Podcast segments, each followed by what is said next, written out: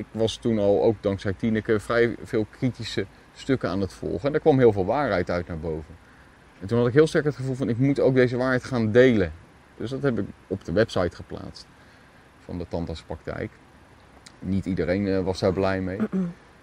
Maar ook om een ander geluid eh, te laten horen. Want ik merkte dat in de reguliere media dat, eh, dat niet echt doordrong. Als thuis voelde het. En, Ja. Eh, eigenlijk, ja, alleen daar, daar durf je natuurlijk niet eh, je aan toe te geven op dat moment. En eh, contact bleef. En we waren gewoon goede vrienden ook eerst. En hij kwam steeds vaker bij ons aan tafel zitten met mij een eh, vriendengroep, zeg maar, in de pauzes. En langzaamaan, ja, kwam die verliefdheid ook. Laurens woonde al net op zichzelf. ehm, dus eh, hij had ook geleerd van als je iets heel graag wil, moet je er naartoe leven. Dus hij had netjes zijn kledingkast, had hij een derde eh, in gebruik voor zichzelf, twee derde voor mij, zeg maar, gehouden. Ook eh, zijn bed maakte hij in zijn geheel eh, eh, schoon, zeg maar. Dus ook de kant waar hij niet sliep. Dus hij leefde alsof wij al samen waren. Toen zij wegging, toen zei ik iets van tot, eh, tot binnenkort. En toen zei zij, reken er maar niet op. En toen dacht ik intern van, mooi wel. ja. Ik zei ook nog tegen haar, ik respecteer je keus. Ik ga jou niet bellen of berichten. Ik hoor jou wel, ja. Ik hoor wel van jou. Ja, dat eh, zei En- inderdaad. er was al een enorme rust over me heen gekomen van...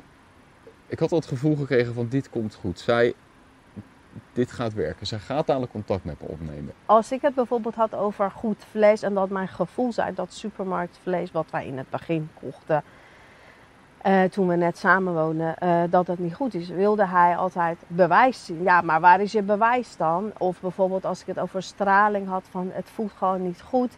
Babyfoon voor de kinderen. Ik zei, joh, ik wil een analoge babyfoon, niet zo'n digitale met camera. En dat kan niet goed zijn voor zo'n babytje. Ja, Want ik had natuurlijk do- door dat suikerverhaal al gezien van jeetje, ze, ze hebben heel willens en wetens hebben ze goede vetten uit eten verwijderd. En daar hebben ze eigenlijk allemaal suiker voor in de plaats gezet. En we zijn alleen maar zieker en zieker en zieker geworden. Suikerziekte, eh, type 2 diabetes neemt enorm toe. Hart- en vaatziekten neemt enorm toe. Dus wat zogenaamd had moeten helpen, heeft het precies het tegenovergestelde gedaan. En toen dat op een gegeven moment duidelijk was, ook in de wetenschap, toen dacht ik van jeetje, maar dit wisten ze echt. En ze hebben gewoon, ja, sorry, maar eh, het eh, vernietigen van miljoenen levens op hun geweten. Nou, dan kom je op een gegeven moment kom je bij het natuurrecht uit. En dat is het hoogste rechtssysteem in deze werkelijkheid. Alleen dat is bijna niet bekend. Als je zegt natuurrecht, denken mensen wellicht van ja, dat is het wet van de sterkste of eh, evolutie. Of... Dat is het niet. Het is niet stelen, niet liegen, niet dwingen, niet schaden, niet doden. Dat is het. En eigenlijk, als je het heel simpel wil zeggen, is het niet stelen. Je stilt de vrije wil niet van de ander. Je stilt het eigendom niet van de ander. Je stilt de gezondheid niet van de ander. Niet stelen.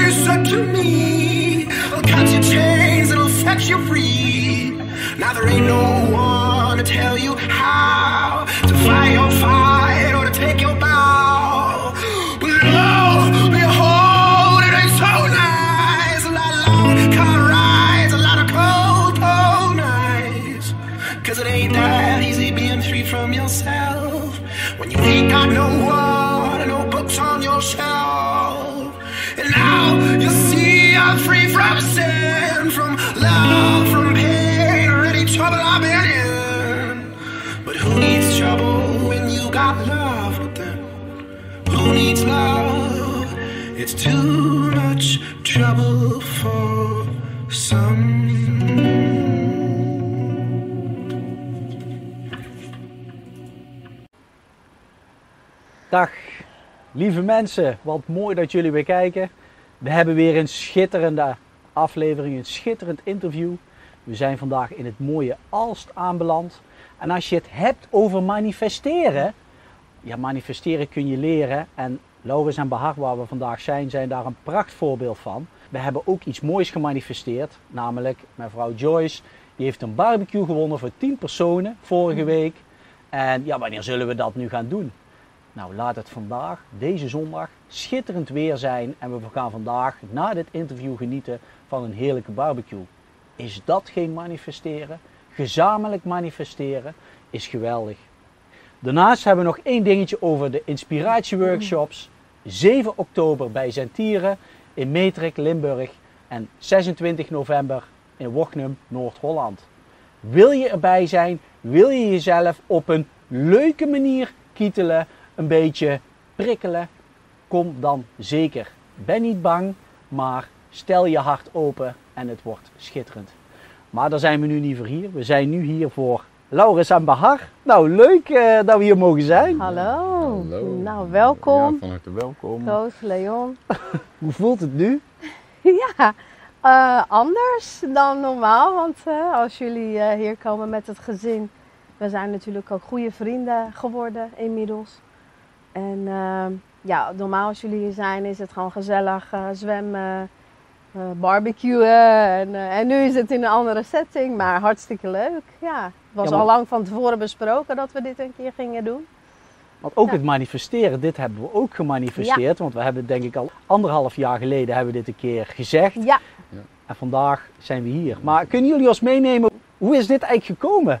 ja. Dat kunnen jullie beter vertellen dan... eh, Nou, anderhalf jaar geleden toen we dit inderdaad hadden afgesproken, eh, dat we dat ooit gingen doen, zaten we in, het, eh, in Centerparks. Ja. en toen kwamen jullie een dagje langs, gingen we zwemmen, daar waar wij eh, verbleven die week. Toen ging het, ja, per toeval over onze ontmoeting en hoe wij elkaar tegen waren gekomen op eh, het ACTA, dat is eh tandheelkundige eh, eh, faculteit in Amsterdam. hoe jullie elkaar zijn tegengekomen. Ja, waar wij elkaar tegen. En toen vond jij het zo leuk. Het kwam ook eh, tot stand, onder andere door ja, manifestatie, zeg maar. Dat vond jij zo leuk. En toen zei je, ja, dat wil ik eigenlijk wel een keer in mijn interviews hebben. Dus zodoende. waarom we eigenlijk bij elkaar zijn gekomen. Want ja, eh, de- zeg maar, het heeft Ja. heel veel bewijs van ellende gebracht, de, Sorry. de, de tijd. Maar ook, Excuus, ik ben nog een beetje verkouden. ja, ook heel veel, ja, verkoudheid wordt Ja. tegenwoordig onder andere dingen geschaard, zeg maar. Dat is dus wat ik eigenlijk bedoel. Ja. En ja, hoe, er zijn ook mooie dingen uit voortgekomen. Absoluut. Ja, want wij eh, kwamen via Tineke, was een oude assistente van ons. Kregen we eigenlijk jouw naam te horen van ja, je moet eens even bij Leon eh, kijken op zijn YouTube kanaal. Ja. En toen we jou gingen volgen, Doorgestuurd. ja. ja, en eh, toen gingen we jou volgen, vonden we heel interessante onderwerpen. Dat was toen in, nog in de, een van de lockdown eh, geloof ik. E- Eerste of tweede, tweede vol- volgens mij. Toen vonden we het zo leuk. En eh, oh ja, je had in een van je podcasts over het waterapparaat en wat andere producten. En toen had ik dus jullie benaderd via de mail. En toen zei je, ja, eh, laten we een keer afspreken. En zo is het gekomen. Dus wij kwamen bij jullie eh, op bezoek. En het was zo leuk en gezellig dat het. eh, en we hadden maar, maar drie uurtjes, want we moesten op tijd eh, terug zijn voor de crash, omdat Kian toen nog op de crash zat. Ja. En voor de sluitingstijd. En dat was nog even haasten om op tijd te terug te zijn. hè? Want wij wonen in Eindhoven en Ja. jullie in Katwijk. Katwijk, Ja. ja. Ja, ja. En nu zijn we in, Aalst. in de vakantie, op een vakantiepark. Ja. We, we hebben hier een chaletje, zoals je weet. Dus eh, ja, gezellig, ja. leuk. Dus manifesteren kun je dus, als je actie onderneemt, kun je dat dus, eh, dus leren. Want jullie hebben Ja. een tandartspraktijk. Ja, nou ja, als we kijken naar eh, de situatie waar we vanaf eh, eigenlijk eind 2019 ingeland zijn, dan was dat op zich wel uitdagend. Aan de andere kant hebben wij het geluk dat we vrij, eh, redelijk vrij mogen opereren. Dus we zijn niet ontzettend aan hele strakke protocollen verbonden. Ja, je, noemt het, je hebt het over manifesteren. Ik kreeg, en dat is steeds meer zo, je krijgt op een gegeven moment een gevoel van binnen. Jij kent dat heel goed. En eh, veel van de mensen die dit kijken ook. En dat gevoel, als dat echt van het diepste van je zijn komt, dan moet je er iets mee. Dus ik was toen al, ook dankzij Tineke, vrij veel kritische stukken aan het volgen. En daar kwam heel veel waarheid uit naar boven. En toen had ik heel sterk het gevoel van, ik moet ook deze waarheid gaan delen. Dus dat heb ik op de website geplaatst van de tandartspraktijk. Niet iedereen eh, was daar blij mee. Maar ook om een ander geluid eh, te laten horen. Want ik merkte dat in de reguliere media dat, eh, dat niet echt doordrong. Wij vinden vrije wil en vrije keuze heel belangrijk. Dus als het bijvoorbeeld om eh, mondmaskers gaat, waar virussen en de meeste bacteriën met gemak doorheen passen, hebben wij altijd de keuze aan de patiënten gelaten. Van, je bent bij ons vrij om ze te dragen als je dat een veilig of prettig gevoel geeft. Maar het hoeft niet. Ja. Wij gaan het niet aan jullie verplichten, want de wetenschap is er niet naar. En dat was een, een stevige stellingname. Genoeg collega's die ons voor gek verklaarden. Ehm, er werd ook gezegd van ja, jullie hebben alles losgelaten. Nou, dat hebben we niet gedaan. We hadden een heel duidelijke, eh, duidelijk intern protocol, wat we ook uitdaagden naar de patiënten. Heb je klachten, blijf je thuis. En dan was het hoesten met keelpijn of hoesten met eh, verhoging of koorts. Dan zien we je graag terug als je dat niet hebt, die combinatie. En zo hebben we het gewoon prima veilig gehouden, de praktijk. Ja. En dat was genoeg. Ook naar onze assistenten dus veilig gehouden, want die waren natuurlijk eh, Ja. bang in het begin. Ja. En we hebben, ze, we hebben heel veel met ze ook moeten praten van, goh, kijk, als iemand geen verschijnselen heeft, kan je eigenlijk niet ziek worden. In tegenstelling van wat de reguliere media zegt, van eh, je kan elkaar besmetten ook als je geen klachten hebt. wij gingen al vrij snel in die waarheid staan. Ja. En eh, ja, daar waren we ja, in de hele sector wel uitzonderingen in. En er waren er gelukkig meer. En die groep wordt groter en groter. Maar ja, je bent dan ook, als je dat aan het doen bent, ben je zoekende van oké, waar, zijn, waar zijn de gelijkgestemden? En eigenlijk zijn juist de mensen waar het niet mee eens bent de, misschien wel de meest interessante, want dan kan je veel van leren.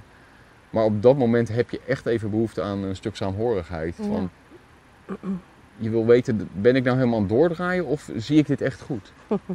Je gevoel Ja. zegt, je gevoel, is- wat jij heel mooi zei, je gevoel zei van ik dien verder te kijken. Ja.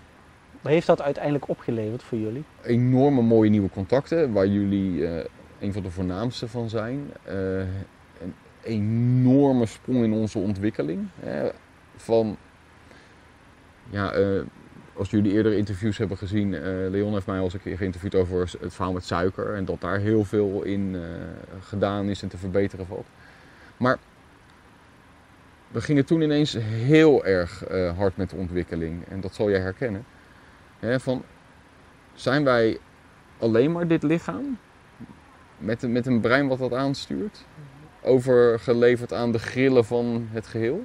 Of hebben wij daar zelf ook echt iets in te zeggen?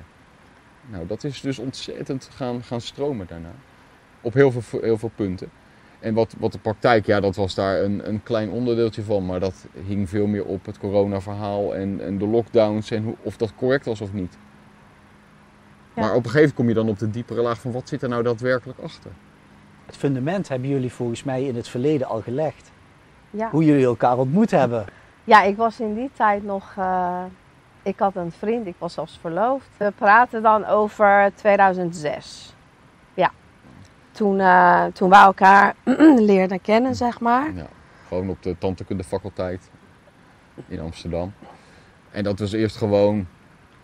eh, ja, de allereerste ontmoeting was eh, in een ruimte waar je techniekwerk kon doen. En zij mocht Ja. dat met een blokje gips doen. En daar had ze eigenlijk een, een, een apparaat voor nodig. En ik was daar ook aan het werken en ik had dat apparaat al. Dus zij vroeg van, joh, mag ik even dat apparaat lenen? Toen zei ik van, nou, wat moet je doen? Ja, hij zegt, eh, geef maar, ik doe het wel even voor je. Ja. Dus ik, zei, ik dacht gelijk, wauw, wat een vriendelijke jongen. Weet je, dat zie je niet vaak. Soms is het, of nou ja, vaak is het zo, ook tussen de studenten, van eh ikke, ikke, ikke, weet je wel. En uh, elleboogwerk. En eh, tenzij je echt goed bevriend bent met elkaar als een groepje, dan help je elkaar natuurlijk. Maar In de regels eh, wel vaak Ja, eigen belang eerst. ja, en ik denk ook dat in dat hogere dat dat echt een sleutelrol speelt van waar we ons nu in bevinden. En eigenlijk de eerste ontmoeting eh, was al van, ja, ik had al het gevoel van, ja, eh, ik, ik ken hem. En, maar dan niet vanuit dit leven natuurlijk, maar gewoon, hij, hij was gelijk zo warm en ja, gewoon als thuis voelde het. En Ja, Eh, eigenlijk, ja, alleen daar, daar durf je natuurlijk niet eh, aan toe te geven op dat moment. En eh, contact bleef. En we waren gewoon goede vrienden ook eerst. En ehm, hij kwam steeds vaker bij ons aan tafel zitten met mij en een vriendengroep, zeg maar, in de pauzes. En langzaamaan, ja, kwam die verliefdheid ook. En, eh, maar dat is een hele verhaal. Dus Jij was verloofd. Ja, ja. Maar Laurens, wat kwam er bij jou naar boven? Nou, na die, eh, die ontmoeting in dat eh, techniekhok, ehm, wij, dat moest natuurlijk zo zijn, maar wij werden in dezelfde groep ingedeeld waar we als tandartsstudenten patiënten behandelden. Ja. En ik zat dan een jaartje hoger dan zij. Je moet dan eh, ook eh, een patiëntenpresentatie geven. Dus je hebt een patiënt en dan ga je kijken met z'n allen als groep van wat moeten we bij deze patiënt gaan doen? Wat is het beste voor die patiënt? Wat gaan we voorstellen? En toen had zij een hele mooie presentatie gegeven. En ze was toen derdejaars. En in de regel deden derdejaars studenten dat nog niet zo netjes. Dus ik was erg onder de indruk. En ik liep ook gewoon naar de toe. Ik zei van, wat heb je dat knap gedaan? Wat mooi. Wat een goede presentatie. Ja, dat vond ze heel leuk. Ja. Ehm, ja, daarna gebeurden nog wel allemaal, allemaal van die hele kleine dingen. Maar wel even leuk om snel te noemen. Want die gaven allemaal eigenlijk, dat bouwde heel mooi op. Een tikje de juiste richting in. Ja, iedere keer. Ja. En wat er daarna gebeurde was, we hadden toen al gezellig contact. eh, alleen ze zat wel op een andere dag in die eh, patiëntenbehandelingsgroep dan ik. Dus we zagen elkaar niet heel vaak. Af en toe moest je wat inhalen en dan werd er gereld vandaag. Wat er op een gegeven moment gebeurde was, ik had een, eh, ik had een patiënt die moest ik extra inplannen. Want daar zat dat haast bij. En wat er dan gebeurt is, dan gaat de secretaresse gaat kijken van oké, als je een, ongeveer een dag van tevoren bent, wie van de studenten heeft nog geen patiënt ingeboekt? Nou, er waren er drie die hadden geen patiënt ingeboekt. Dus dan mag ik vragen, kan er eentje uit, dan kan ik mijn patiënt kwijt. En dat moest zo zijn, zij werd eruit gegooid. Oh jee, En dat verhaal. toen ging mijn patiënt erin en toen kreeg ik ineens een mailtje. En dat was een heel pittig mailtje. En dat was van, eh, ja, en eh, jij hebt mijn stoel eh, gepikt en je hebt jezelf als patiënt erin gezet. Ik had de goede patiënt erin gezet, niet mezelf. Ja, dat kon ik natuurlijk niet zien. Dat ik zag alleen niet, jouw dat naam. kon ze niet Ja. zien, nee. Ehm, en ik ben dan wel derdejaars, maar ik moet ook aan, aan mijn verrichtingen komen. En dat is ook belangrijk. En het is niet leuk dat jij dat zomaar gedaan hebt. Nou, en ik had daar wel een heel begripvol mailtje op teruggestuurd. En ik wist dat zij het was. En ik andersom niet. Nee, ik wist zij niet wist dat niet, jij het zij was. wist niet Oh, dat ja, ik het ja. was. Dus dat was heel erg. Ja. Eh, dat moet je zomaar vertellen. Ja. Maar ik had een heel begripvol mailtje teruggestuurd van... joh, luister, ik heb helemaal er niet voor gekozen om jou eruit te gooien. Ik heb dat bij de secretaresse neergelegd. Je En- hebt het overgelaten aan. Nou, en wat er toen gebeurde aan de andere kant, toen Nou, kreeg ik dat mailtje ja. van mij kwam terug. Ja, want ik kon alleen zien, eh LLJ Buller heeft eh, je stoel. Maar ik wist zijn achternaam dus ik helemaal niet. Ik wist alleen dat hij Laurens heet. En, eh, en toen ging ik ineens twijfelen toen ik dat een mailtje eenmaal gestuurd had. Een beetje pittig mailtje, maar meer van... Ja, hallo, ik, eh, het is mijn dag, het was mijn stoel. Waarom ben ik eruit gegooid? Ik heb er recht op. En ehm, toen vroeg ik aan mijn vriendin, die eerst bij hem in de groep zat, van... Goh, is dat Laurens Buller? Ja, dat is Laurens. Ik zei, oh shit. dus, eh, maar goed, dat vond hij alleen maar leuk. Zo'n pittig mailtje. Ja, ik, ik was er eigenlijk wel van onder de indruk. Vond het wel heel leuk. Toen gingen we steeds vaker elkaar zien en spreken. En eh, het contact werd steviger. En op een gegeven moment, dat was een beetje ook mijn gedrag van toen der tijd. Dan ga je op een gegeven moment gewoon een beetje grapjes maken, een beetje uitdagen. Want ik vond het al wel leuk toen. En Toen was het een keer, ze stond in de lift. En ik kwam ook die lift in. Hé, hey, hallo. Linksom of rechtsom probeerde ik te ontfutselen of ze een relatie had. En toen zei ze, ja, nee, ik ben verloofd. Toen zei ik, oh, dat is mooi. Dan mag je met hem verloven, ga ik met je trouwen. en wellicht, eh, ik ga nu heel ver vooruit, maar dat is ook exact wat er gebeurde. Maar goed, tig van dit soort voorbeelden natuurlijk. Uh, er is te veel om op te noemen. Maar het leuke was, uh, wat voor manifesteren gesproken. Op een gegeven moment werd ik natuurlijk ook steeds meer uh, aangetrokken tot hem. En dan dacht ik in de ochtend, ja, ik wil hem graag zien vandaag. En, uh, en dan gebeurt dat ook, want je trekt het aan. Dus, je zendt het uit. Juist, je, ja, je zendt het uit en je trekt het aan.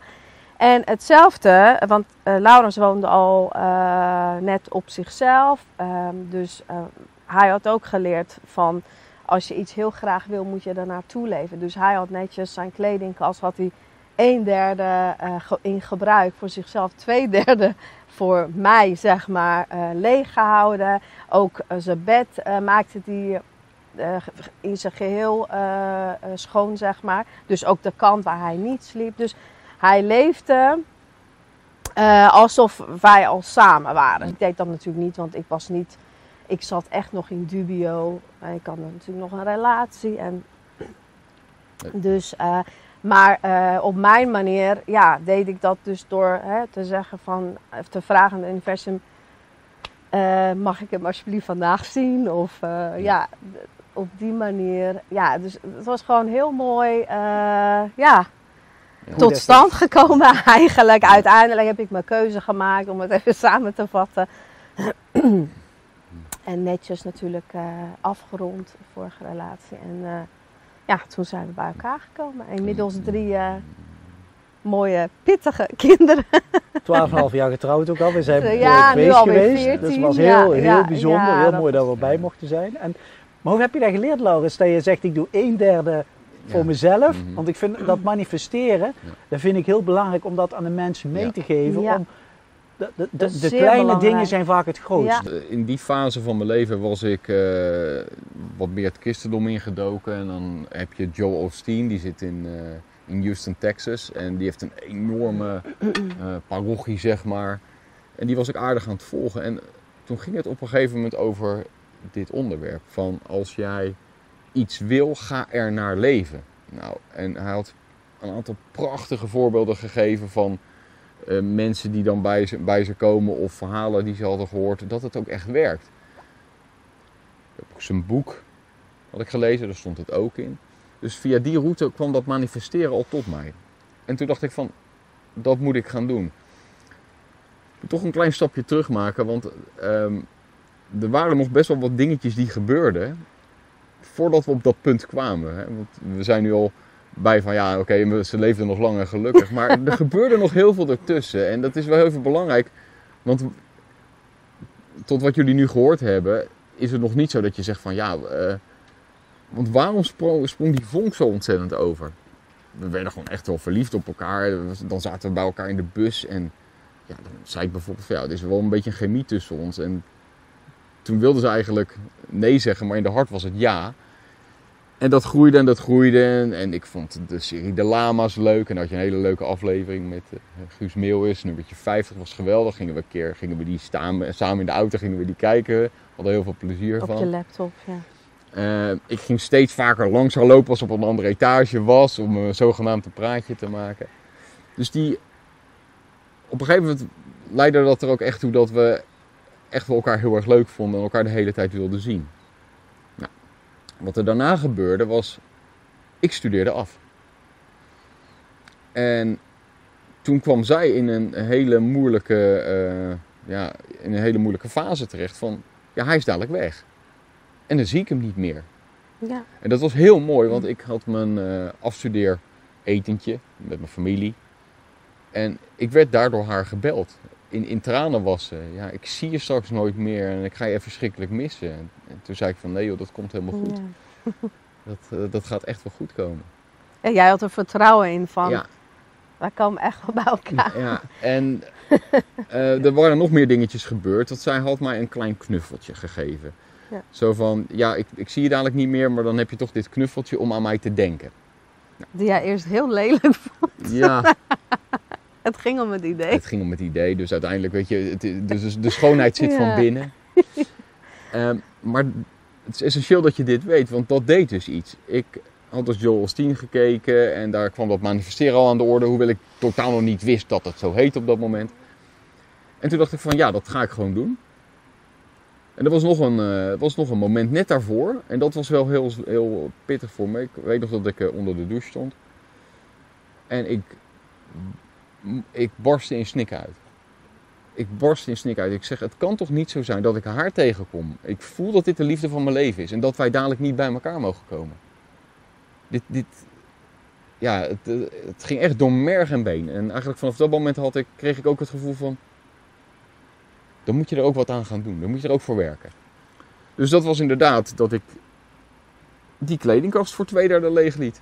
Want er was in een van die afleveringen van Joel Osteen, een van die voordrachten, we- ging het ook over als je een partner wil, ga dan naar leven. Dus ik liet twee derde van die kast leeg. Ik ging aan één, op een derde van het bed slapen, want in de regel neemt mevrouw wel wat meer ruimte in het bed in. Daar had ik dat knuffeltje op het kussen gelegd, ook toegedekt, alsof ze er al lag. Mooi. Wat voor knuffeltje was het eigenlijk? Want ik ben nu wel heel benieuwd. Een eend, een Ja, eendje. En, een- er liepen net een twee lelijk eentjes. eend. En eentjes. Het was een geel eentje. een eentje, maar dan liep je naar twee eentjes. Snap je? Het, was een, een, een geel eentje met een raar lang nekje. Het soort eend girafje was het. Maar het symboliseerde haar. En Maar het moest iets klein, want ik was dus op zoek naar een knuffeltje. En mm, ja, dit was gewoon heel mooi klein compact. Want het moest dus ook, ook niet opvallen voor mijn Ja. ex, zeg maar. Dat ik met iets groots naar eh Acta liep. Dus eh, vandaar dat ik iets op zoek naar iets kleins was. Anders zou hij zich afvragen van wat doe je daar nou weer mee? Voor wie is dat dan? Ja. Dus eh, ja. nou, dat, dat ik toen toe. En toen kwam dus dat punt waarbij dat afstudeeretentje kwam en dat zij in tranen was. En zij zou op vakantie gaan naar Bali. Ja. Met ook de eh, nou ja, toen nog verloofde. En ik zou een rondreis door Amerika doen. Een van mijn beste vrienden woont daar. En toen gebeurde er wel iets bijzonders.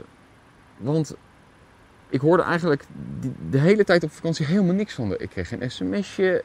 Eh, op een gegeven moment wist ik al wanneer ze terug was. Er gebeurde niks. Ik denk, hé, dit is raar. Want vlak daarvoor was ze nog in tranen dat ze me zo ging missen. En nu is ineens is het helemaal stil. Ja, die reis was voor mij ook vooral om eh, voor mezelf uit te zoeken. Natuurlijk was ik nog wel met hem, maar eh, van ja, wat wil ik nou eigenlijk? Dus ik wilde sowieso niet te veel contact, want ja, dat belemmert toch ook je gedachten. Toen was ik heel erg van eh, in mijn hoofd en niet in mijn hart. Nu gelukkig andersom. Dus ja, vandaar dat ik ook niets liet weten of niets liet horen. Je wilde bij je gevoel komen. Ja, ja. Er gebeurde daar in Amerika ook wel wat. Want ik merkte dus van, hé, hey, zij zegt niks. Dat, is een, dat was een teken. Een teken. Dus ik was op een gegeven moment in San Diego. En daar heb je een, eh, een vrij goede chocolaterie. Ik weet de naam niet meer. Eh, maar die staat heel hoog aangeschreven. Toen dacht ik van...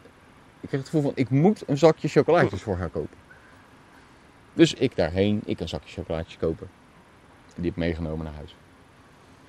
En toen eh, was het thuis en stil. Ik denk, nou, ik trek de stoute schoen aan. Ik belde gewoon op.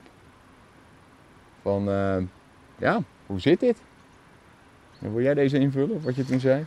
Ja, toen zei ik, ja, ik, eh, ik heb toch besloten om ja, te, blijven bij mijn vriend, bij mijn verloofde. Ik durfde gewoon die stap niet echt te zetten. Ook omdat mijn familie ook zo gek op hem was. Inmiddels natuurlijk ook gek op Laurens, hoor. Maar goed, eh, ja, je wil, ik wilde het veilige niet eh, ruilen voor het spannende wat nog komen moest. Dat vond hij natuurlijk niet zo eh, leuk. Hij zegt, joh, Oké, ja, jammer, maar ik heb wel een zakje chocolaatjes voor je mee. Dus mag ik je dan nog één keer zien om het je te geven? En ik deed het eerst moeilijk, want ik dacht, ja, als wij gaan afspreken voor die chocolaatjes, dan kom, ja, dan kom ik weer in twijfel. En, dus ik eh, bleef maar nee zeggen. Uiteindelijk, oké, vooruit. Dan, eh, ja, vlakbij het ACTA, universiteit zeg maar afgesproken, gewoon heel kort, om eh, die chocolaatjes te ontvangen en gedag te zeggen. Het was best koud en afstandelijk. ja. En dat was wel interessant, want toen zij wegging, toen zei ik iets van tot, eh, tot binnenkort. En toen zei zij, reken er maar niet op. En toen dacht ik intern van, mooi wel. ja. Ik zei ook nog tegen haar, ik respecteer je keus.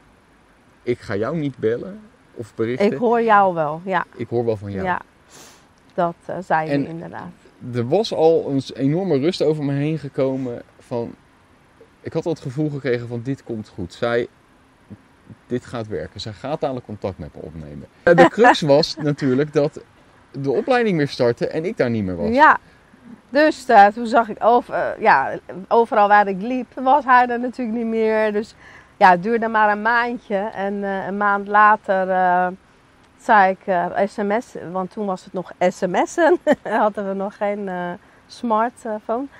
Toen sms'te ik hem van, oh ja, ik, zie, ik mis je. Ik, Voel je- ik, voel je overal, overal. ik, ik mis je, zoiets. En nou ja, en toen had jij teruggestuurd van, eh, ik mis jou ook of zo. Ja, het grap was, het woordje missen had je bewust niet genoemd. Maar je had gewoon gezegd, Ja, ik voel je zoiets. leegte overal, hier, daar, Hij heeft daar. het precies onthouden. En Nou, ik zei alleen maar, ik mis jou ook.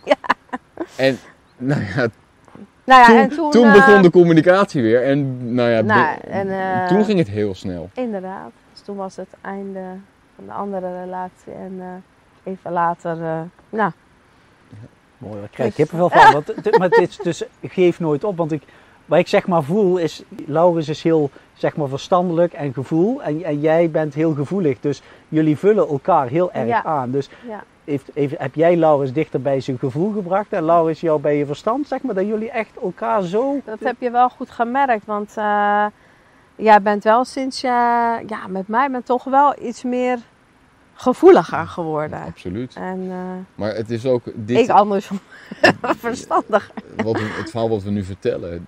Dat had niet gekund als ik niet op mijn gevoel had vertrouwd. Als ik Ja. in mijn logisch nadenken in mijn ratio was blijven zitten, had het to- hadden wij Ja. hier nu niet gezeten. Nee, Ja. precies. En eh, wat wel heel sterk was, en eh, dat gaat dan niet over de relatie, maar zij vertrouwde al heel erg op haar gevoel. Bijvoorbeeld, Ja, zij dat zei al tegen altijd.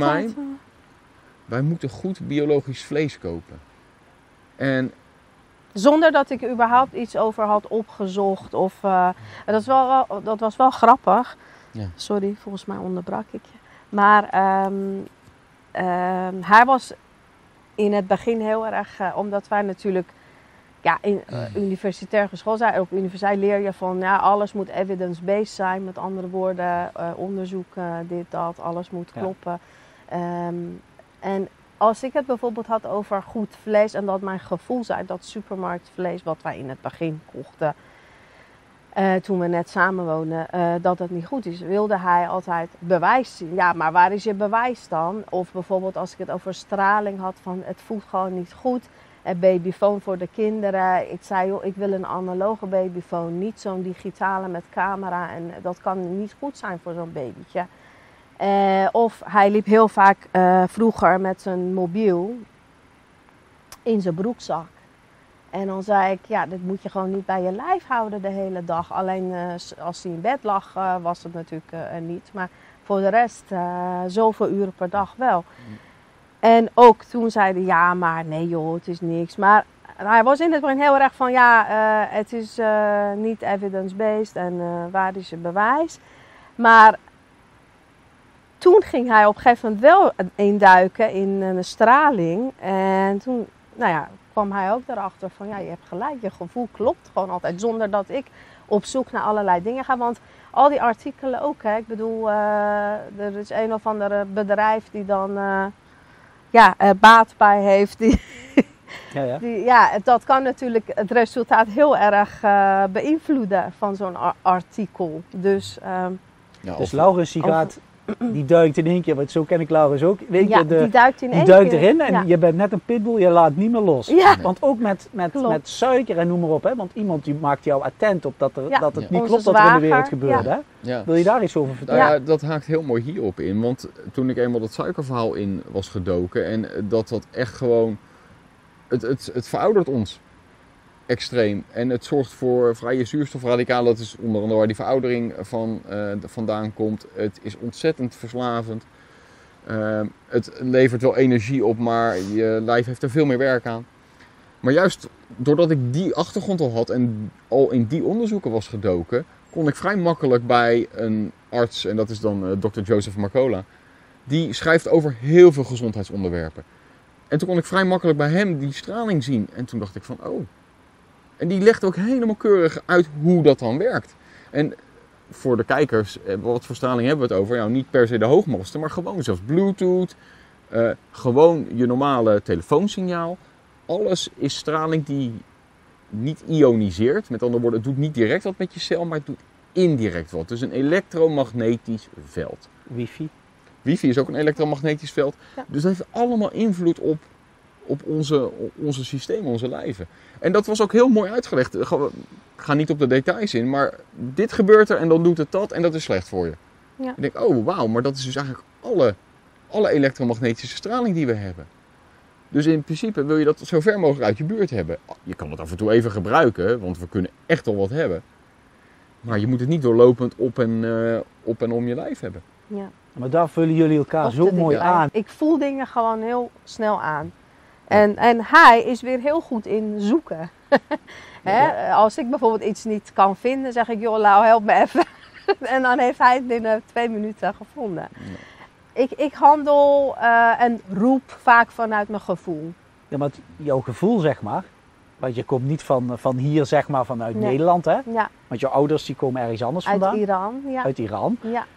Dus de stap, want je zegt wel iets belangrijks zo straks, van dat je zei van ja, waar zou mijn familie ervan denken? Omdat je toch, je bent eigenlijk al verloofd, Ja, je hebt Dat toch de sprong gewaagd. ja. Je hebt toch gezegd, want hoe reageerde de familie erop? Of hoe wil je er iets over ja jou? je bedoelt destijds toen ja, ik ja, eh, omdat dat je uit, eh, ja. uit Iran komt, want waarom zijn je ouders hier gekomen? Eigenlijk voor, eh, ja, in 96 zijn mijn ouders hier gekomen met mij en mijn twee zussen. Dus met hun drie dochters. Eh, ja, voor een betere toekomst eh, voor de dochters eigenlijk. Daar ben ik ze echt eeuwig dankbaar voor. Dus, eh, Ik ook. Ja, ja. en eh, Iran is echt, eh, nou ik ben natuurlijk eh, eh, bevooroordeeld, maar een prachtig land, prachtige natuur. Mensen- cultuur, eh, mensen, eh, het weer. Ja, ook soms kan het heel heet worden in de zomer, maar los daarvan altijd mooi weer. Hè. Goed eten, heerlijk eten, gezellige mensen. Nou, eigenlijk heb je alles wat je wil daar, behalve natuurlijk dat de regering het zo zuur maakt. is vorig jaar natuurlijk ook uitgebreid in het nieuws geweest. Het nieuws, eh regulier nieuws. Maar goed, grotendeels in dit geval klopte dat wel. Eh, want ik kreeg natuurlijk ook vanuit de familie. eh, Je hebt er nog veel familie wonen? Ja, redelijk wat. Ik heb ook in Canada eh, familie en in Duitsland. Maar goed, de meeste zijn natuurlijk nog in Iran. Ja. Dus eh, gelukkig zijn, eh, dat is dan wel het voordeel van social media en Telegram en WhatsApp en dat soort dingen. Internet dat je, eigenlijk. ja, internet, dat je makkelijker eh, contact met je familie in het buitenland houdt. Maar goed, die zijn dus eigenlijk eh, voor ja, onze toekomst naar Nederland eh, gekomen. Dat was inderdaad ook een cultureel dingetje. Dat ik dacht, ja, maar eh we zijn al wel verloofd. En moet ik het wel uitmaken? Straks eh, gaan mijn ouders het echt niet leuk vinden.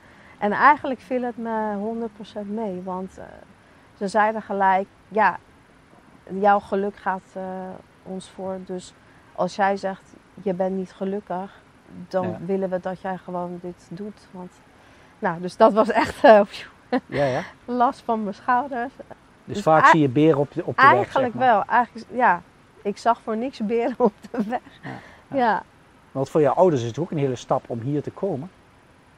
Om hier aan te passen. Voor, jij bent hier geboren. nee, nee, nee, toch, nee. ik ben niet geboren hoor. Ik was eh 12. 12. Ja. Want je hoort het niet aan je, je spreekt Nee. vloeiend. ABN, beter dan ik, eh, zou ik gaan zeggen. Soms als ik boos ben hoor je nog een accentje, denk ik. Tenminste, dat is wat ik wel eens gehoord heb. Maar eh, Ja, als je stoel wordt ingepikt. ja. ja, goed, voor mijn ouders was het natuurlijk ook zwaar. Hè? Maar ze hebben het wel eh, kn- knap gedaan. Want eh, hier jaren ook gewoon in Nederland werkzaam geweest. In deze samenleving. En nu zijn ze uiteraard boven 70. Dus eh, Ja. ze werken uiteraard niet meer. Maar ja, dus eh, ik ben wel echt trots op ze. Ja, hoe ze dat ook gedaan hebben. De afgelopen jaren, Laurens, is bij jullie dat wakkerwordingsproces begonnen. Zoals het ook Ja. bij mij begonnen is. Bij heel veel. En diep van binnen wist je al bewijs van dat... Maar ja, dat sluimert dan op de achtergrond of zo. Ja. Hoe, hoe, hoe, is dat bij jullie zo gekomen? Nou ja, eh, die assistent, eh, oud-assistent Tineke was daar de sleutel in. Ehm, Wat corona betreft eh, en dat- zo. Ja, want ik had natuurlijk dat- door dat suikerverhaal al gezien van jeetje, ze, ze hebben heel willens en wetens hebben ze goede vetten uit eten verwijderd. En daar hebben ze al, eigenlijk allemaal suiker voor in de plaats gezet. En we zijn alleen maar zieker en zieker en zieker geworden. Suikerziekte, eh, type 2 diabetes neemt enorm toe. Hart- en vaatziekten neemt enorm toe. Dus wat zogenaamd had moeten helpen, heeft het precies het tegenovergestelde gedaan. En toen dat op een gegeven moment duidelijk was, ook in de wetenschap, toen dacht ik van jeetje, maar dit wisten ze echt. En ze hebben gewoon, ja, sorry, maar eh, het eh, vernietigen van miljoenen levens op hun geweten. Ja. Dat, dat besef had ik al. En dat maakte me toen best wel boos. Nog steeds eigenlijk. Want ja, jij gaat dus op, over een ander beschikken. En ik denk dat we daar straks nog verder over op gaan inhaken. Maar dat was ik dus al gewend. En toen zei op een gegeven moment... Zei Tineke tegen mij... Van, Laurens, is dat virus wel zo kwalijk? Nou, nou weet ik niet of hier kijkers zijn die er nog steeds heilig in geloven dat corona een eh, enorm dodelijk eh, gevaarlijk virus is. Maar er zijn harde cijfers over dat voor gezonde mensen dat het eigenlijk hetzelfde is als een stevige griep. En de mensen die wat kwetsbaarder zijn, als je die de juiste medicatie of supplementen geeft, of de combinatie zelfs, dan verlaag je het risico voor hun naar verwaarloosbaar. Denk aan onze vitamine D. Essentieel onder andere om het geheel goed te houden. Toen ging ik kijken en toen zag ik al heel snel dat ze de griepslachtoffers die ieder jaar er zijn, die waren er ineens niet meer. Denk. Maar het griepvirus, dat is niet ineens op vakantie gegaan. Dat, is niet in, dat denkt niet ineens van, nou, nu SARS-CoV-2 er is, blijf ik wel thuis. En dan hoor je later dat ze helemaal nergens meer testen op het griepvirus. Ik denk, ja, maar zo kan ik het ook. En nou ja, dat steeds meer steentjes kwamen daarbij van, oké, maar die test die is helemaal niet zo specifiek. Die is op een computermodel gemaakt. En die gaat ook af op eerdere coronavirussen. En ze zitten, eh, dat genetisch materiaal wat ze testen, zitten ze zo uit te vergroten dat je hoeft maar een heel klein spikkeltje te hebben wat overeenkomt en dan ben je zogenaamd besmet. Maar je bent dan helemaal niet besmet, want je hebt geen klachten. Ja. Nou, dus dat, al die stukken vielen op hun plek. En toen dacht ik van jeetje. Je bent er heel diep in gegaan. Hè? In die zin Ja. dat ik aan wil geven dat je niet zomaar iets op Telegram Nee. hebt gelezen. Nee. En mensen zeggen, ja, het is een complot. Je hebt echt wetenschappelijk. Ja. Dat vind ik echt petje af hoe jij dat hebt Ja. gedaan. Ik eh, was in die tijd echt nou Uren ja, uren el, bijna elke dag wel bezig van wat is de wetenschap. Ook punten voor de, de groep die de Highwire heet in Amerika. Die vatten dit iedere week in een show samen. Niet per se dit onderwerp, ook andere onderwerpen pakken ze. Maar ze geven altijd de onderbouwing. En dat maakte heel veel uit. Je kon gewoon gelijk hun, eh, hun, eh, hun show bekijken. En dan werd er daarna de onderbouwing gegeven. Dit zijn onze artikelen. En als wij het fout hebben, corrigeer ons maar. Nou, dat was heel prettig. En toen kon je heel snel kon je gewoon het hele plaatje goed gaan zien. Ik volg die groep nog steeds, want het is, we, eh, we zijn nog druk bezig met het, eh, met het proces eh, waar we als mensheid, eh, ja, ik ga niet zeggen ingestort zijn, want we, we hebben er op een niveau ook voor, gekozen, we hebben er ook hè? voor Onze gekozen. ja. Ja. Maar hoe kijk je dan naar die situatie? Hoe me- wat ik zelf lastig vind, dan probeer ik het even naar mezelf te spiegelen, is eh, hoe reageert de omgeving? Af en toe heb ik het idee, dan loop ik rond en denk ik, ik zit in een, in een hypnose. Of ze mensen in een hypnose zitten. Of ik zit dan in die hypnose. Maar ja, dan zie ik de cijfers weer, dan ga ik weer dingen bekijken. En denk ik, nee. Maar dat je heel veel mensen niet kunt bereiken. Dus het is, Ja. het is net een film. Ja, Ja. ik heb wel ervaren dat als mensen er niet klaar voor zijn, dat je ze ook niet wakker kan maken. In het begin probeerden wij allebei heel erg vrienden, familie, nou ja, hè, kennissen, wakker te maken. Van ja, we moeten het melden, want eh, dat hebben jullie ook gehad. Hè? Eh, we moeten het melden, want hoe meer mensen het weten, hoe, eh, Ja, ja. hoe beter. Maar het had heel beperkt zien. Want als je, als je er niet klaar voor bent eh, om te geloven dat het wat anders is dan wat de media zegt, eh, ja, dan heeft het geen zin om het te roepen. Hè, dat wakker worden in ons geval, want wij zijn allebei hè, eh, in 2020 dus wak, echt wakker geworden. Dat ging vrij makkelijk en snel, omdat wij natuurlijk al hadden gezien wat Laurens net al zei op, met, op het gebied van suiker, maar ook op het gebied van straling en alles, dat er heel veel dingen niet kloppen, hè, Ja. wat er eh, gezegd wordt. En dus dachten we, tuurlijk, in het begin was het echt van, wow, oké. Maar eh, ja, vooral hij ging zich erin heel erg eh, in verdiepen. En daardoor kreeg ik het ook heel erg mee. En eh, ja, dus dat ging wel echt in een rap tempo. Ja. Maar we hadden wel een luxe positie, want Omdat we eigen baas zijn. ja. binnen onze kleine tandartspraktijk waren er genoeg die ook kritisch waren of het niet geloofden. Dus wij stonden daar al niet alleen. Ja. Eh, onze directe familie, en dan mag ik mijn familie zeggen, die kon ik eigenlijk met wat ik deelde ook meekrijgen. En niet dat ik nou per se gelijk wil hebben, want als ik ongelijk heb, maakt niet uit wie, bewijs het me en ik zal absoluut toegeven dat ik het fout had. Jouw vader is standaards geweest, Ja. dus die zijn ook wetenschappelijk. Dus, dus Ja. je kunt ze met informatie. Ja, dus heel veel informatie deelden we in de familiegroepen. En toen was het op een gegeven moment heel duidelijk, aan- ook aan hun, van dit klopt dus niet. Hier moeten we niet zomaar gehoor aan geven. Bij jouw familie was het eh, een beetje half om half. Ja. Hè? Maar wij, wij waren dus niet alleen. We hadden echt in onze directe omgeving hadden wij heel veel eh, aanspraak- en klankborden. En het is natuurlijk nog wel moeilijk in de positie van eh, praktijkhouder en tandarts naar de patiënten toe. Maar stukken die wij, op de, die wij noemden, of, daar hadden we ook de onderbouwing voor gegeven. Bijvoorbeeld Ja. dat we heel duidelijk stelling namen. Gezonde mensen maken geen andere ziek. Ja. Dat hadden we ook daadwerkelijk zo gezet in ons eh, voorschrift. En we hadden de onderbouwing gewoon. Er zaten gewoon keurig drie wetenschappelijke studies onder die dat keihard duidelijk maakten. Zonneklaar. Dus als dan, een, als dan een patiënt dat wat anders vond, zeiden van nou oké, hier, is hier is het onderzoek. Als jij beter onderzoek hebt, daar ga ik tijd in steken. Dan mag je dat aan me overhandigen. En als jij daar gelijk hebt, ga ik het aanpassen. Ja, en juist door de informatie op de website hebben wij de afgelopen jaren zoveel nieuwe, eh, ja, wakkere patiënten gekregen. Eh, dat is echt niet normaal veel. Dat was niet de bedoeling, maar het is gewoon omdat Eh, jullie dingen met je ja. hart doen. Ja, en wij zijn helemaal niet van promoten, want we hebben het gelukkig druk genoeg. We hebben veel patiënten. Wij doen niet aan op, hè, reclame maken op Facebook of wat dan ook over de praktijk. We hebben gewoon een website en klaar. En eh, het is heel veel mond-tot-mond reclame bij ons, wat patiënten onderling doen. Mensen die in die tijd op zoek waren naar een wakkere tandarts. Daardoor zijn wij dus eh, gevonden, zeg maar. Dus dat was heel makkelijk te vinden, want volgens mij waren wij de enige die bovenaan het zoekopdracht eh, verschenen. En, er waren er een paar. oh, maar een paar, hoorden maar bij de, hoorden bij de enkelingen, ja. Ja, dat is wel En respect, hoor. er zijn er misschien nou, drie, vier of vijf patiënten in totaal geweest die weg zijn gegaan omdat wij eh, anders dachten of omdat wij eh, het dragen van mondkapjes in de wachtkamer niet verplicht hadden. eh, Meer uit angst uiteraard, uit angst. Ja, eigenlijk uit angst, ja. Ja, Ja, ja, ja. Ja, ik ben ook bij jullie in de tandartspraktijk geweest. ja. Ik dien trouwens weer een nieuwe afspraak te maken. Dat was weer een jaar geleden. Want vorig jaar zou ik moeten boren. Weet je nog? ja, ja. ja.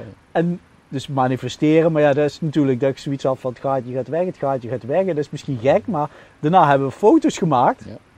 En het gaatje was weg. Jij, Ja. jij zei, we gaan Ja. eerst kijken voordat we iets gaan... Bijzonder, eh, hè? Ja. Ja. Dit En, was, en er zat geen gaatje meer. Ik Ja. heb de foto gezien. Ik denk, oké. Dus, ja, het was heel bijzonder. Want dit zou er echt één zijn bij allebei. Wij zouden, als we er geen foto hadden gehad, hadden we echt de bord erin gezet. Ja. Maar dat is natuurlijk ook wel weer een pleidooi voor een beetje de reguliere eh, eh, medische kant. Hè? Want we zeggen natuurlijk net ook straling is niet goed. Die röntgenstraling, ja, dat is ioniserende straling. Dat doet daadwerkelijk wat met je cellen. Maar zonder die foto hadden wij de boor in de kies gezet. ja, je hebt Dus je, natuurlijk je hebt bij eh, alles heb je een een afweging grens van... altijd. Ja, hè? precies. Is, weegt het voordeel op tegen het nadeel. Ja. En hier woog het voordeel extreem op. Want je kies is gewoon heel gebleven. ja. En ja, ga er maar van uit dat jij al... eh, gaatjes die kunnen ook remineraliseren. Hè? Gaatjes is eigenlijk een demineralisatie. Er gaan mineralen uit het tand of kies. En remineraliseren, daar kunnen we mineralen in. Het is echt niet ondenkbaar met, met jouw wilskracht en je energie en je manifesteren... dat jij exact dat in je speeksel hebt gekregen om dat proces om te draaien. Ja. En het, eh, kijk, als het een klein gaatje is, kan dat natuurlijk. Bij een heel groot diep gat tot in je zenuwen kan je Nee. niet. En ik ja, poets of al moet zo sterk spiritueel zijn. Maar goed, dat voorbeeld hebben we nog niet gezien. Dat iemand zo'n groot gat weg kan manifesteren. Nee. Of een, hè. Maar goed, dat, dat kan. Ja, dat zou kunnen. Maar zo zijn we dus Dat, allemaal op eh, ontdekkingsreis. ja. Want ik poets al jaren niet meer met fluoride. Dus dat ben al vijf, zes jaar niet meer. Bevalt me goed. goed dat ze zeggen van ja, maar dat is slecht voor je tanden. Nou, Nee hoor. echt fluoride. Als jij gewoon eh, over het algemeen eh, gezond eet, goed eet, niet bewerkt voedsel eet. En goed je tanden Suiker kiezen natuurlijk poetst. niet. Precies, dus goed poetst. Dus twee keer per dag met elektrische of handtandenborstel. Eh, en eh, stoker of, of flos gebruikt. Ja, dan is er geen reden om met fluoride te poetsen. Sinds Absoluut. ik bij jullie ben geweest, heb ik die tandenstokertjes eh gebruik ik nu Ja, iedere dag. En ja. dat gaat goed? Ja, dat gaat goed. Ja, ja. Fijn. Maar uiteindelijk kunnen we ook het stapje maken. Hè, dan is de bewustwording, hebben we volgens mij alle lagen een beetje gehad. We hebben onze eigen creatiekracht, we hebben Ja. onze eigen vermogen, maar we hebben ook iets over zelfbeschikking, toch? Ja. Daarbij- want we hebben nu alle stappen zeg maar een beetje gehad. En ik, zie- ik zag hier ook, ik weet niet of je het gezien hebt, maar heel de tijd de vlinder bij vliegen. Hè? Mhm. Het is ook dat Ja. jullie ontpopt Ja. zijn samen tot een mooie vlinder, waardoor Mooi, jullie heel veel kracht hebben samen. Ja. En die kracht willen ze eigenlijk, willen ze, maar dat, willen ze ontnemen. Want ze willen Mhm. vooral tussen de gezinnen komen, zeg maar. Ja. Maar bij jullie is dat, ja, die zelfbeschikking, daar ben je nu zeg maar mee bezig. Ja. Wil je er iets over zeggen, Ja. Laurens? Iets? ja. Ja. Soevereiniteit. Ja, ja, je komt op een gegeven moment in dat proces wat je dan doorloopt, merk je ineens dat er dingen verplicht worden. En dan duik je daar ook verder in van, goh, maar wie is de ander dan om iets van mij te mogen vinden? En we hebben het hier natuurlijk niet over dat er daadwerkelijk eh zo'n dodelijk eh ziektekiem rondwaarde waarbij je daadwerkelijk eh, met het aanraken zo iemand al dood liet neervallen. Dat was niet zo. Dus er werden ineens allerlei maatregelen afgekondigd. En ineens moesten we zoveel. Hè? We moesten niet naar buiten. Na acht Na uur. 9 of Ja. 8 uur of 9 uur s'avonds.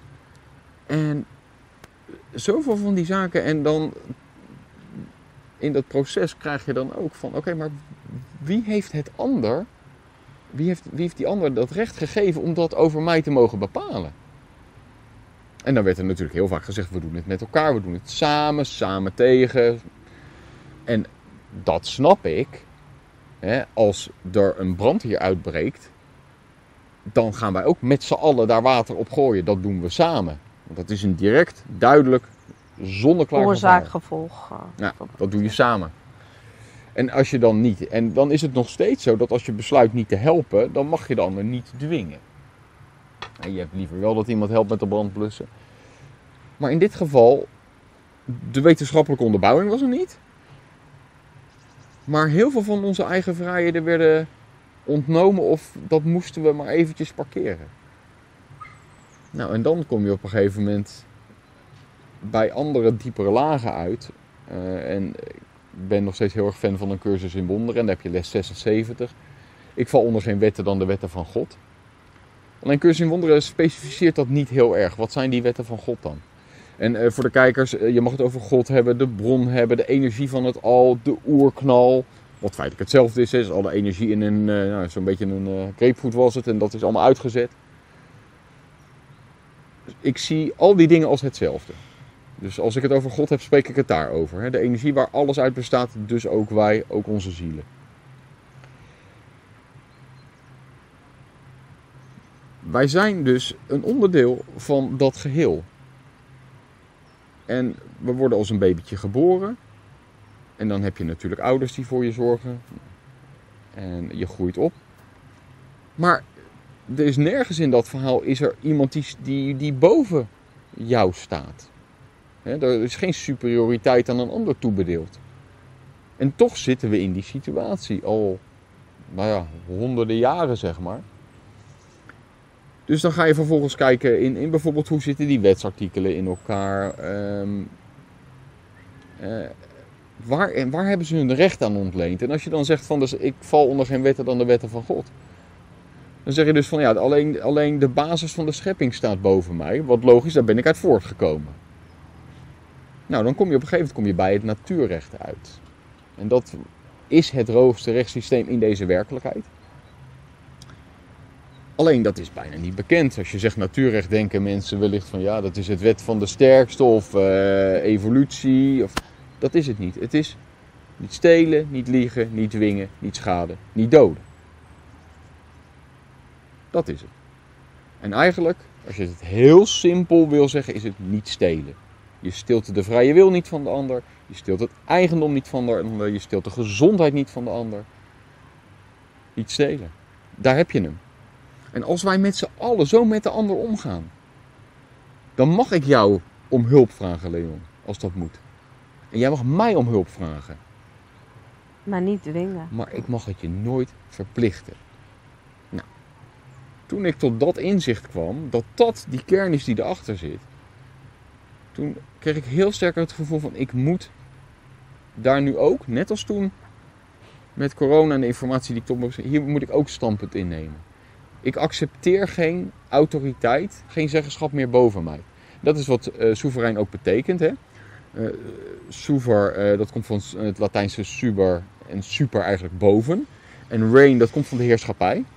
Dus boven de heerschappij. Als je zegt ik ben soeverein, dan zeg je ik sta boven de heersende klasse. Niet dat ik zeggenschap over hun heb, maar ik val niet onder ze. En autonomie is een ander woord wat gebruikt wordt. En dat betekent gewoon auto is zelf en nomie is zelfsturend. Dus ik bestuur mezelf. Nou, die twee dingen samen zegt, eh, zeggen ons, en ik weet dat het bij jullie ook, eh, ook leeft. Wij besturen onszelf en wij weten zelf wat het juiste is en hoe wij met elkaar omgaan en hoe we een mooie samenleving moeten bouwen. Alleen we laten het ons niet verplichten. Simpel voorbeeld. Als er twee mensen zijn die in een onbewoond deel van de aarde zijn, heeft de een daar dan wat over die ander te zeggen? Nou, hier mogen jullie even over nadenken over dit concept, maar het antwoord is dus nee. Als er dan op een gegeven moment eentje zegt van ja, ik vind wel dat jij iets moet, dan kan die ander nee zeggen. En laten we even ervan uitgaan dat ze allebei even sterk zijn, gebeurt er niet zoveel. Als diegene die dan wat wil er tien bij haalt, hebben ze dan wat over die ene te zeggen? Nog steeds niet. 100, 10.000, een miljoen, een miljard? Nee, nooit. Het is nooit zo dat die ander, want we zijn allemaal in gelijkheid ontstaan, geschapen, dat die wat over die ander te zeggen heeft. Tenzij daar een correcte en vrijwillige instemming mee is geweest. En dat wil zeggen, jij vraagt iets van mij, ik weeg dat af, de voor, de voor- en de nadelen van die vraag, en ja, daar stem ik mee in. Nou, toen ik tot dat inzicht kwam, was het heel duidelijk van wij moeten nu, moeten, we moeten niks, maar het is ons pad. We Om- willen dat gaan wij willen- wandelen. Wij ja, willen dit pad gaan die bewandelen. vrijheid die ons goddelijke recht is, en ik gebruik weer het woord God, of dat nou oerknal, schepping, eh, de basis, de bron is. De bron. Ons goddelijke recht is dat wij volledig de baas zijn over onszelf en dat niemand daar wat over te zeggen heeft. En daar zijn wij nu voor gaan staan. En dat betekent dat wij absoluut eh, een bijdrage leveren aan de samenleving. Absoluut willen helpen. Maar het mag niet meer opgelegd worden. Ja, want wat wordt er nu opgelegd? Want dan is vaak dat mensen zeggen, je staat boven de wet, oh dan sta je boven de ander. Bij wij, hè, zo kunnen andere mensen die misschien dit nu voor het eerst horen, op, oppakken. Ja. Want hoe zie je dat? Worden we nu wel gedwongen dan in dingen? Nou, eh, een voorbeeld is de recente eh, pandemiewet die is aangenomen. En ik kijk heel weinig regulier nieuws. Dus, eh, maar de strekking is ervan dat, dat ehm, de regering van het staatsbedrijf der Nederlanden... die kan op een gegeven moment aankondigen dat er een bepaalde ziekte rondwaart... en dat dat van een bepaalde klasse is. En dan kan er gewoon weer een hele corona-lockdown-achtige toestand afgekondigd worden. Zo'n effect wie zijn zij om dat te doen over mij? Je mag aantonen dat ik gezond en wel een gevaar ben voor de ander. Ja, ja. En dan gaan we praten. Ja, de Tedros van de WHO is een oorlogscrimineel, bij wijze van. Daar Ja, is hij gewoon. Dus, en, en, en die zit daar aan de WHO aan het hoofd. Dus ik begrijp wat jij bedoelt. Alleen voor mensen, net als bijvoorbeeld met belastingbetaler, zeggen je dient toch een bijdrage te leveren? Ja. En dat, dat is ook absoluut waar. Maar Alleen, tonen zij ons dan waar zij ons belastinggeld aan uitgeven? Alleen 30% kunnen ze verklaren, andere 70% niet. Ja. Dus toont de overheid ons wel waar zij ons geld aan uitgeven? Nee, kunnen ze niet verklaren. Dus wij willen graag zelf beslissen wat de bijdrage die wij eh, eh, willen uitgeven, waar wij dat aan uitgeven, aan welke instanties, bijvoorbeeld aan de school van onze kinderen, willen we eh, heel graag eh, korte termijn best wel wat geld doneren. Weet je, een andere doelen die wij gra- eh, waarin wij geloven en wat wij belangrijk vinden. Ja. Maar daar kiezen we zelf voor. Hè, dan weten we dat het goed terecht komt. Dus We willen absoluut een bijdrage leveren aan de maatschappij of aan de samenleving. Ja, dat is- Ehm, dat is mooi, maar ehm, ja, niet dat het ons opgelegd wordt van je moet zoveel betalen en wij besluiten waar het eh, aan eh, besteed wordt. Ja, Ja. want we moeten steeds harder het rondje rennen. Ja. Energie wordt duurder, Ja. benzine wordt duurder, eh, belasting wordt steeds hoger. Ja. Dus mensen kunnen het, hè, 3 miljard gaat hoogstwaarschijnlijk weer naar Brussel van ons geld. Ja. Dus ik begrijp, maar hoe leggen we dat bewijs aan de Ja. mensen uit? Dat, want ik weet dat jullie een hart van goud hebben, Ja. dat jullie graag willen bijdragen en ook heel veel dingetjes steunen Ja. en doen. Ja. Dat, dat, de, dat de mensen voelen van, oh ja, dit is eigenlijk wel gek. Het belangrijkste is dat mensen sowieso eerst bij zichzelf nagaan van eh, is dit een oordeel wat ik heb of niet. Dus je moet nooit een oordeel hebben over wat een ander doet. Ik kan me voorstellen als je hoort van oh eh, die en die, eh, die zijn soeverein. Oh die willen vast eh, niks betalen. Want het heeft een slechte naam. eh, terwijl het helemaal niet zo is. Ik denk dat het heel belangrijk is dat we, hè, jij haalde al heel mooi aan van waar gaat ons geld naartoe? Dus als je bijvoorbeeld weet, zoals wij weten, en we hebben het, we kunnen het ook bewijzen, dat die hele corona-lockdown, dat die niet had gehoeven, dat heeft zoveel geld gekost, lieve mensen. Zoveel geld. En daar hebben wij allemaal aan bijgedragen. De, vraag die, de gewetensvraag die ik jullie dan nu stel is, ga je het nog een keer doen? Dan ook nog eens dat 70% niet goed verklaard kan worden. En de oudste staatsaccountant die heeft er een hele mooie website over. Het is eh, of Leo Verkerk of leoverhoef.nl, een van de twee. Dan kan je dat allemaal vinden, heeft hij het keurig uitgewerkt. Maar dan eentje die echt mijn hart brak als vader, als ouder. De kinderen van de toeslagenaffaire. Dat zijn mensen die hadden een kinderopvangtoeslag of dergelijk nodig. Hadden ze recht op. Vanuit de regeltjes die binnen het staatsbedrijf de Nederlanden gelden, hadden ze daar recht op. En toen is onterecht zijn zij aangemerkt als nee, je hebt te veel gekregen. En nu moet je met een enorme dikke rente en boetes moet je dat terug gaan betalen. Ze kwamen in de schulden, in de schuldsanering. Ze konden niet meer voor hun kinderen zorgen. Er zijn dus meer dan 1600 kinderen, eh, je weet dat Leon, zijn uit huis geplaatst. En die zijn nog steeds niet terug. Dit heeft onze Belastingdienst gedaan, lieve mensen. Zij hebben kinderen die niet afgepakt hadden mogen worden, afgepakt. Daar is Schending van de natuurrecht sowieso. op want- heel veel niveaus. ja, Daar is toen nog, nu is het kabinet weer demissionair, maar daar is vorige keer het kabinet voor gevallen. Lieve mensen, zijn die kinderen al terug? Ik had laatst zelfs gelezen dat een van die ouders die weer op het binnenhof haar verhaal kwam halen, dat hij in het gevangen is gegooid. Ze wil haar kind terug. En dat zie je niet in de media. hè? Dat zie je niet in de media. Ik, en zij ook, wij kunnen het niet meer over ons hart verkrijgen dat wij daaraan mee betalen. Dus je mag ons om een bijdrage vragen. Je bent 100% transparant aan waar je het aan uitgeeft. Je doet er niks kwaads mee. Je schendt niemands natuurrecht. Ik denk ook dat het sowieso heel belangrijk is als mensen het interessant vinden, dat hele autonomie of soevereiniteit gebeuren. Dat je eerst eh, verdiept in wat is het verschil tussen een persoon en een mens. Eh, als je dat weet en als je weet wat er met je gebeurt op het moment dat je als babytje binnen drie dagen aangegeven moet bij het ge- eh, Aangifte. worden, aangifte door Ja. je vader moet gebeuren Gift aan. juist aan, eh, in het gemeentehuis. Wat er dan gecreëerd wordt en wat er dan met je gedaan wordt. eh, als mensen dat allemaal zouden weten, zouden ze allemaal stoppen met al dat belasting. Bullshit, sorry dat ik het zo zeg. Ehm, en niet alleen, het gaat niet alleen om belasting, het gaat om veel meer wat ons opgelegd Onze wordt. hè. vrijheid. Onze vrijheid. Hè, als je als babytje van vlees en bloed, als mensje, eh, aangegeven moet worden om een BSN-nummer te krijgen, dan wordt er gewoon een bedrijfje van je naam gemaakt. Vandaar dat je naam ook in hoofdletters op bankpassen, in je paspoort, overal in hoofdletters eh, geschreven wordt. Dat is omdat je van, ja, vanaf dat moment eigenlijk een bedrijfsentiteit wordt. Want een bedrijf kan contracten maken met een bedrijf en niet met een mens.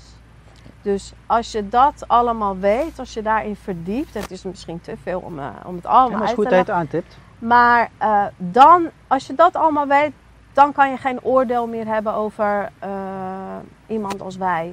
We zijn in principe Ja. gewoon slaven. Juist. Ik voel me geen slaaf, maar ik weet dat we in een s- slavenwereld zitten. In, in die zin dat je wel geld kunt verdienen, maar je dient wel gewoon... Ja, binnen, de, binnen de te lijntjes te, kleuren. De, de eerste stap eh, in de soevereiniteit is dat je jezelf tot leven verklaart. Dus als je zegt van hier ben ik, ik ben een mens van vlees en bloed. Ik ben niet het bedrijf eh Bahar Sehat, maar ik ben gewoon een mens, Bahar Buller Sehat. En ehm, nou, dan moet je enveloppen naar jezelf sturen, op een bepaalde manier eh, getekend met je vingerafdruk in het rood. En nou, er zijn zoveel regeltjes en zo ook binnen dat eh, gebied. Ja, dan, dan kan je het gevecht aan, want het is, je hoort het goed, het is echt een gevecht. Wij zitten gewoon midden in een gevecht eigenlijk. Wat ik ook wil aantippen is van als, als, je, als jullie wat argumenten die hier op tafel komen interessant vinden. Het is wel eerst een stukje interne bewustwording die je moet hebben. Ik ben mijn eigen hoogste autoriteit. Dat moet je weten, diep van binnen. En als je dat weet, dan kan je op een gegeven moment zeggen van oké, hoe zorg ik dan op de juiste manier dat de rest van de wereld daar ook eerbied voor heeft als jij het prima vindt, en die vrije wil heb je, hoe het nu gaat, hoe het systeem in elkaar zit. Hè, want laten we eerlijk zijn, er wordt door het staatsbedrijf ook een hele hoop goeds gedaan. Wij hebben goede wegen in Nederland. Eh, voor mensen die chronisch ziek zijn, wordt in de regel best aardig gezorgd. Hè, en als er hele grote ingrepen nodig zijn, dan is daar, er- wordt daar ook echt wel voor, eh, hard voor gewerkt. Dus er zit heel veel goeds. We hoeven niet het kind met het badwater weg te gooien. Maar we moeten wel heel duidelijk zeggen van waar het natuurrecht geschonden wordt. Dat accepteren Dat we niet. nemen we niet Ja. meer. Het moet niet een revolutie worden. Maar met evolutie gaan we gewoon. Overal waar dat gebeurt gaan we dat wegschaven. En een voorbeeld zou zijn. Hè? Laten we het even hebben over de maximumsnelheid. Wij zijn geen snelheidsduivels, nooit niet. Maar waarom kunnen wij niet overal op de wegen adviessnelheden zetten? En dat we zeggen tegen elkaar, houd rekening met elkaar. Want die snelheidsmaniakken, die rijden toch wat te hard. Of er nou een maximumsnelheid staat of niet. Dus het, de, er wordt eigenlijk standaard gezegd van... Een soort van wij zijn te dom om onszelf te besturen. Hè, Dat zijn we helemaal. Dat is wel iets, waar, dat merk je ook, daar zijn wij klaar mee. Wij, zijn, wij kunnen heel goed onszelf eigen besturen. verantwoordelijkheid nemen. Juist. Ja. Wij nemen eigen verantwoordelijkheid. Als wij het natuurrecht van een ander geschonden hebben, zullen wij altijd zorgen dat er een correctie plaatsvindt. Ja. Ik had het fout. Dat erken je. En je trekt het recht. Dat is wat je doet.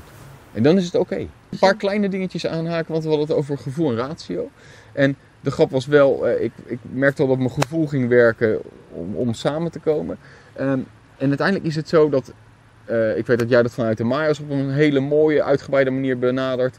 Eh, de Jungiaanse psychologie heeft het ook over de linker en de rechter hersenhelft. En de rechter hersenhelft is waar de creatiekracht en het gevoel zit. en, en, en de zorg. En aan de linkerkant zit het logisch nadenken, het, het vastberadenheid. En uiteindelijk moeten beide hersenhelften, of beide kanten van de medaille, de yin en yang, die moeten verenigen. En dan word je een heel mens. Met hoe je denkt, hoe je je voelt, hoe je spreekt en hoe je handelt. En onze relatie, hoe dat tot stand kwam, activeerde dat al bij mij. En andersom ook bij haar. Want zij werkt al heel erg vanuit een gevoel. En er kwam een stukje ratio bij, wat dus ook een nuttige aanvulling is. Het een kan niet zonder het ander. Ja, Ja. We, en die moeten samen zijn. En eh, ook op een hersenscans is dat ook duidelijk. Dan zie je dat iemand die echt goed in balans is met zichzelf. Dan zie je dat beide hersenhelften eigenlijk even actief zijn. En in het midden, waar ze verenigen, waar ook de pijnappelklier zit en de deur naar het spirituele, daar gaat dan een enorme stroom plaatsvinden. En je kan je dan ook in vertrouwen zonder angst, heel belangrijk, zonder angst laten leiden. Want wat wij aan het doen zijn nu, ook met die soevereiniteit, is echt wat spannend. Is hard werken.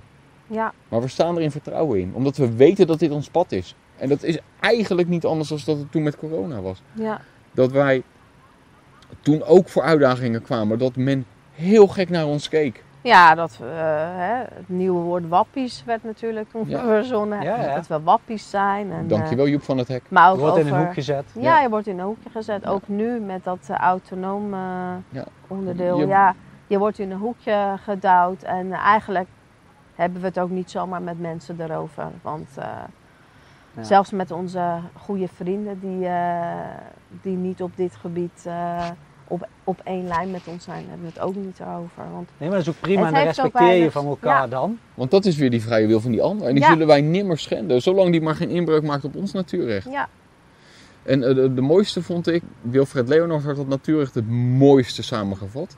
Dat is het recht op leven. Met als kanttekening erbij dus een, een vervuld leven met de overvloed en eh, de voorspoed die je hoort te hebben. Het recht op leven. En omdat iedereen dat recht heeft, ook automatisch de plicht om te laten leven. Mhm. Ja, Ja. mooi, mooi. mooi. Ik wil jullie een eh, knuffel geven. Ja, Die krijg jij. gezellig. Hart tegen hart, hè? Ja, was hartstikke leuk. Dankjewel, Hartstikke leuk om Ja. dit te doen. Ja, we gaan, Vonden wij ook. En Koos, heel erg bedankt. We gaan, we gaan daar nog lekker, eh, lekker barbecuen. Ja. Dus, eh, wordt nog een Lekker. Hey, ontzettend leuk dat jullie de tijd hebben genomen om ons eh, te interviewen. Ja, maar hier. door al deze dingen te doen, hè. Dus jullie stralen, wij stralen en mijn vader straalt op de achtergrond. Ja. Ja, dit, dit is gewoon gaaf. Dit is gewoon gaaf. En dan voel je gewoon op gevoel van we doen het juiste. En, dan, Ja. en net wat Laura Spoor zei, je wordt geleid. Wat jij zegt, hè, Ja. Verdiep je in wat, wat nou Ja. een mens is. Ja, Wij, zijn, wij praten met elkaar van mens tot mens. juist. En, niet de- van persoon tot persoon. en niet in, niet in de angst, maar gewoon in vertrouwen. En wat er op ons pad komt, komt op ons pad. En eh, ja, daarin steunen we elkaar. En jullie hebben de mensen, zeg maar, voor mijn gevoel heel erg geïnspireerd waar nu echt creatiekracht in zit. En dat je dus niet op dient te geven en vol dient te houden. En als je ergens in gelooft, dat die dingen op je pad komen. En dan, ja, Ja. dat, is, dat is juist. Het, Ja, en het is niet altijd even makkelijk. En, eh, maar dat hoort er ook bij. Dat, eh, Ja, ja, als je iets wil bereiken, als je echt een pad wil bewandelen waar je achter staat, dan heb je ook heel vaak eh, hobbels en waar je overheen moet. Het is ja. de weg van de meeste weerstand. Ja. Maar dan bereik je de top. De makkelijkste weg is ja, de ogen dicht houden en maakt niet uit wat ze met onze naam als persoon doen. Ach, ik eh boeit me. Ja, dat, is, dat kan, dat mag. eh, Ja, ja. Maar ja, als je er wel tegen wil vechten, dan is het een. Ik heb, Goed. laatst heb ik judo gedaan vorige week dinsdag. En eh, de, de trainer die gaf uitleg. Mijn jongens doen al vier jaar judo. Dus ik denk, ik moet toch iets. dus samen met Joyce hebben we met oudere judo zijn we gaan doen. En Leuk. judo, de leraar zei wat judo betekent. De makkelijke weg. Ah, Oké. De, omdat je eerst leert vallen. En volgens mij zeg ik het zo goed. De makkelijke weg. In die zin. En dat is voor mij weer een signaal. Oké Leon, je pakt de, de juiste weg. Kan het Ja. zijn meebewegen met de kracht die al gaande is? Ja, je leert eerst vallen en daarna opstaan. Dus Ja. En daar word je sterker door. Je bent eerst gevallen, hè, want het lukt allemaal niet. En uiteindelijk kom je toch bij elkaar. Hè. Dan Ja. zag ik hier eh, continu vlinder vliegen. En die, die bevestigt dan de Ja. boodschap. Of de eend die hier, de twee Ja. of drie eendjes die hier kwamen. Jouw knuffel heen. Dus eh, heel, heel Nou. bijzonder. Nou, we gaan afronden. Ja. Lieve mensen, heel erg dankjewel voor het kijken. Schitterend, schitterend om dat hier zo samen op te nemen. Ja, met ons vieren. Maar ja, Joyce, mijn moeder en de kinderen zijn er ook. Maar ja, die zijn in de speeltuin. Dus eh, ja, we willen jullie heel erg bedanken voor het kijken. Wil je dit verhaal delen? Heel graag zelfs. Wij wensen jullie een schitterende dag toe. En tot de volgende keer. Namens ons vieren, toi toi.